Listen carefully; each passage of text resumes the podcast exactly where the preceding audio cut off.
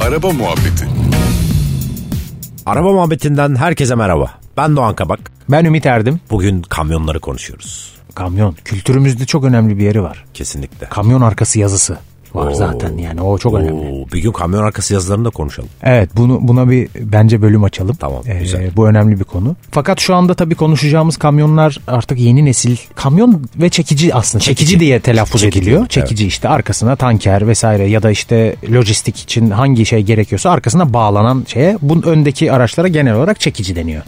Biz Doğan'la bununla ilgili bir şey yapmıştık geçtiğimiz aylarda. Ben mesela ilk defa bu kadar haşır neşir oldum bir çekiciyle, bir tırla. Ben de ilk kez kamyon kullandım. Evet kullandık ve drift falan yaptık hatta. O da çok keyifliydi gerçekten. Ama inanamadım. Korkunç bir teknoloji varmış içinde. Biz hep tabii böyle "Hırrrr" kara düzen eski kamyon var zihnimizde. Siyah duman geliyor gözümüzün önüne. Abi bizim. böyle bir şey yok. bir şey yokmuş. Arabadan falan teknolojik ya da işte değilse de aynı özelliklerin hepsi var. Ki arabadan fazla özellik var. Arabadan fazla. Aynen. Ya zaten tek başına o koltuğu yeter. Bir koltuğu var arkadaşlar. İnanamazsınız yani siz oturuyorsunuz.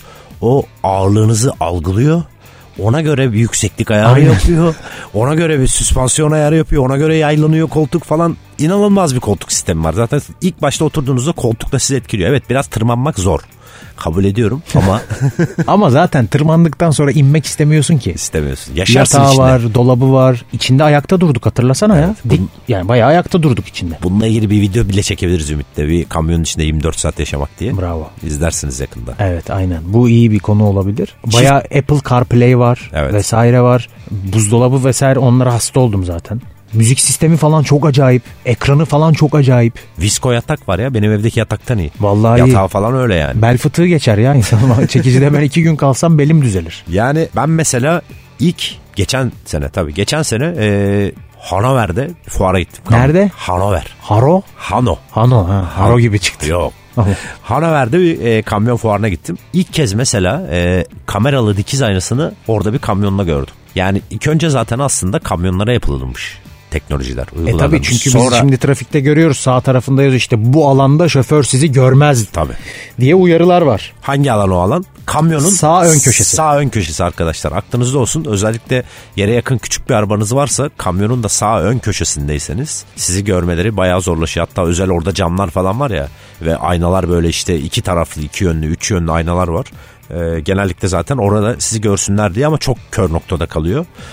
Göremediği durumlar oluyor. Kendinize oralarda dikkat edin. Bir de o ağırlığa çok iyi duruyor mesela. İnanılmaz bir Hep bu- bir, fren bir var. efsanedir ya mesela. Kamyon duramadı, kamyon duramaz bilmem ne falan. Abi çok acayip frenleri vardı yani. Biz tabii şimdi yeni jenerasyonları konuşuyoruz. Yani çok da yeni e, kullandığımız ümitle test ettiğimiz için etkisinde de kaldık biraz. Evet, biraz öyle oldu. Yani öyle bir fren var ki bastığında sanki arkası kalkacakmış gibi Aynen. hissediyorsun. Ve arkasında işte dorse vesaire ya da bir şey olmadığı hali kaç tondu? 8 ton muydu? Sekiz O- buçuk, Değil mi? sekiz 8,5 buçuk, tabii, falandı yani. O ağırlığı durduruyor yani öyle bir fren var. Bir kaç viteste? 16 mıydı? 16 ydi. 16 viteste. 16.